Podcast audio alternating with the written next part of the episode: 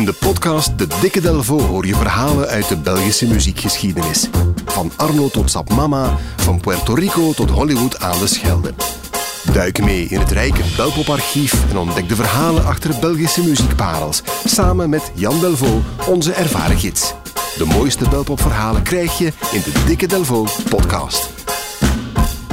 Hey Jan Delvaux. Dag Floris. Altijd zeer wel gekomen. Vandaag breng je een nieuw woord mee, enfin, een woord dat jij pas geleerd hebt. Ja, belgofoon. Ooit mooi. Al nee, mooi wel. Ja. Eh, te vergelijken met francofoon, wat wij vaak zeggen. En een, een belgofoon is een woord dat opgang maakt in Frankrijk. Het heeft niks te maken met telefonie, hè, phone. Maar het staat voor de groeiende groep van Fransen die gek zijn van België. En dat zie je op, op verschillende vlakken. Er komen heel veel Fransen, vooral Parisiens in Brussel uh, wonen uh, tegenwoordig. Die gemeenschap is zeer, zeer groot. En ze zijn ook gek van de... Van de vroeger lachten ze met Le Petit Belge, maar vandaag zijn ze echt gek van de Belgische cultuur. Hè, muzikaal. Ja, Stromae en Angel zijn groot. Hè. Gigant, voilà, gigantisch voilà, groot. Gigantisch groot eigenlijk. En het woord belgophone lees je ook op YouTube vaak bij video's van uh, Adamo of van Arno. Hè. Ah, ja, ja. Je suis belgophone. Ja, ik ben fan. Ja, ja, omdat wij een soort gekte hebben die ze blijkbaar in het zuiden niet kennen. Uh, nu, een heel grote Franse belgophone is Nicolas Sirkis. Zegt jou dat iets, Cirkis? Uh, ja, dat is de frontman van Indochine. Ja, ja dat is zo'n groep die, waar je wel van gehoord hebt bij ons, maar die je moeilijk kan plaatsen. Zijn die groot, zijn die klein? Is dat rock? Is dat wild? Eh, alternatief?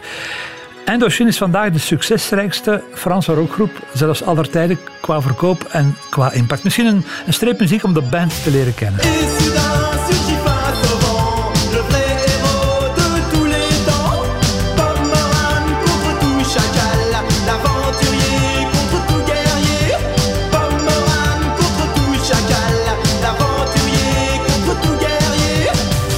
L'Aventurier, de eerste hit van Indochine.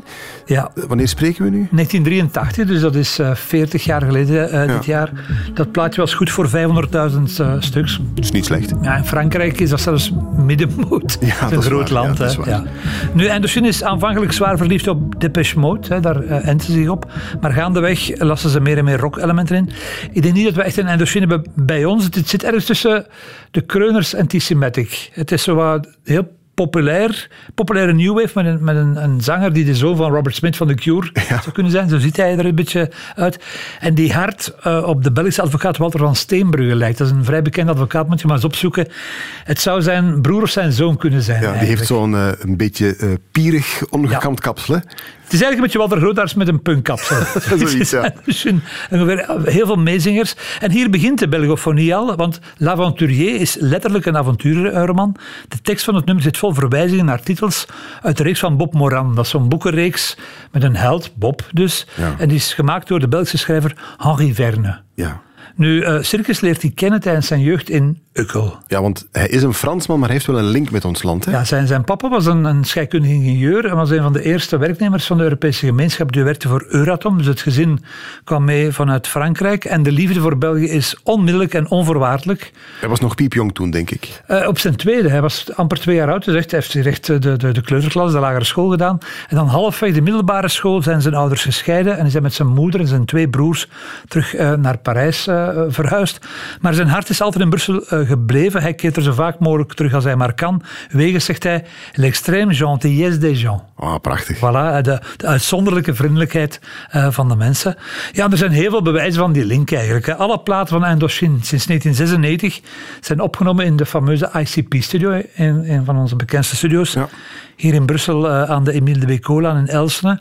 En dan logeren ze altijd, zo'n klein detail, een Hotel Manos Premier langs de Charleroi Steenweg. Goed om weten. Ja, dat is ook de plek waar uh, mijn grote held Jean Kluger altijd verblijft als hij in België is, de man Ah, ja, achter ja, ja. Cultura. Nu, België is ook het land waar ze in de jaren 90 populair zijn gebleven, terwijl ze thuis in Frankrijk echt door een dal gingen. Ze waren het kwijt eigenlijk. En dat was te danken aan een, een Belgische maat van Nicolas Sirkis, een, een radiomaker, een man die jij zeker gaat kennen, Rudy Leonet.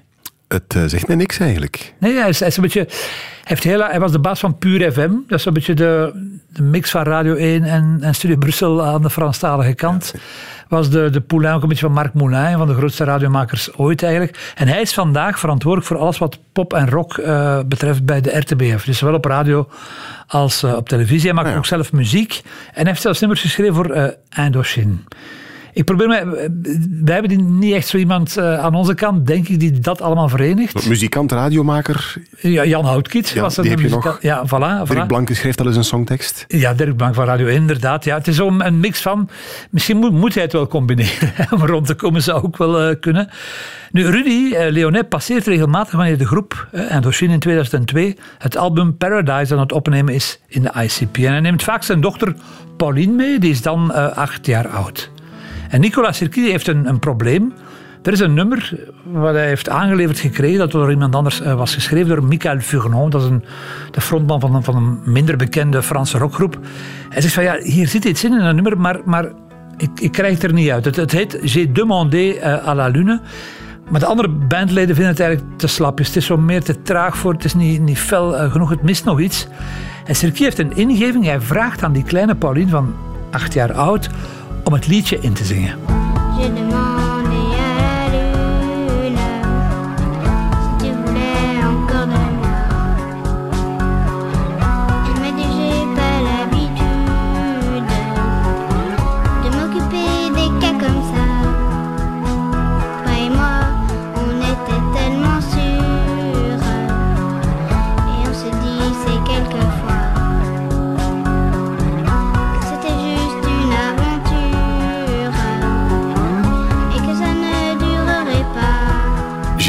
À la Lune, maar dan de demoversie met stem van die Pauline. Wat schattig. Ja, Pauline Leonet. Dus, uh, en dat blijkt het extra pigment zijn dat nog het relief eigenlijk dat nog ontbreekt aan het nummer.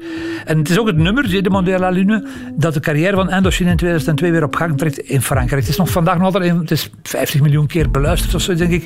Wordt echt luidkeels meegezongen, altijd. Pauline is ook te zien in de clip van het nummer. En ze zingt het ook live wanneer de groep in december 2002 optreedt in Vorst Nationaal. Dus ah, ja. het was even zo 15 Seconds uh, of Fame. Het is ook het slotnummer en het orgelpunt van het memorabele concert dat Indochine in 2010 geeft in het Stade de France. Dat is dat grote voetbalstadion. Ja, hoeveel volk kan daarin? Daar kan uh, 97.000 man. Wow. voilà. En ze weten als eerste rockband uh, ooit, zowel Frans als internationaal, de, de voetbaltempel tot de nok uh, te vullen. En die finale, dus de, J'ai demandé à la lune, is in hoge resolutie te zien op YouTube. Knap in beeld gebracht door Hans Pannenkoeken. Dat is ook een Belg. Dat is ook een Belg. Uh, dat is de live regisseur van vele Songfestival-deelnames. Hij heeft ook gewonnen met Nederland. Die doet altijd fantastische dingen. Hans heeft ook uh, Tomorrowland en uh, Rock Werchter een tal van concerten eigenlijk gecapteerd. Dus als je dat allemaal optelt, dan denk ik dat we met, want ik zag jou in het begin fronsend kijken, gaat dat wel over Belpop, dat we toch met recht en reden een deel mogen opeisen van het succes van Indochine. De, de, de succesrijkste en belgofoonste Franse groep. We, hadden, we hebben de, de, frontman opgevoed. Hij is opgegroeid uh, in, in, in Eukel. We hebben de groep gered in de jaren 90 toen ze door een dal ging. We hebben ze bij het begin van deze eeuw uh, een van haar grootste momenten bezorgd met à la Lune. Opgenomen in Brussel in de ICP met behulp van een Belgisch meisje. Kijk, en als de Fransen Brel en Arno en zo mogen adopteren, mogen wij het omgekeerde ook doen. Hè? Zeer, zeer juist, Floris. Uh, wat is er geworden van Pauline Leonet trouwens? Want ah, goeie vraag, ja. Ze is bijna 30 nu. En ze werkt als grafisch vormgeester voor de stad Brussel. Ah, tof. Ja. Fantastisch, hè? Ja. Een halve Belpop classic, zullen we dat maar zeggen, hè? Zeker. J'ai demandé à la lune met vanaf ongeveer 2,5 minuut in het nummer De Stem van Pauline Leonet. We gaan luisteren. Jan Delvaux, zeer bedankt. U mag gaan. À la prochaine. J'ai demandé à la lune et le soleil ne le sait pas. Je lui ai montré mes brûlures et la lune s'est moquée de moi. Et comme le ciel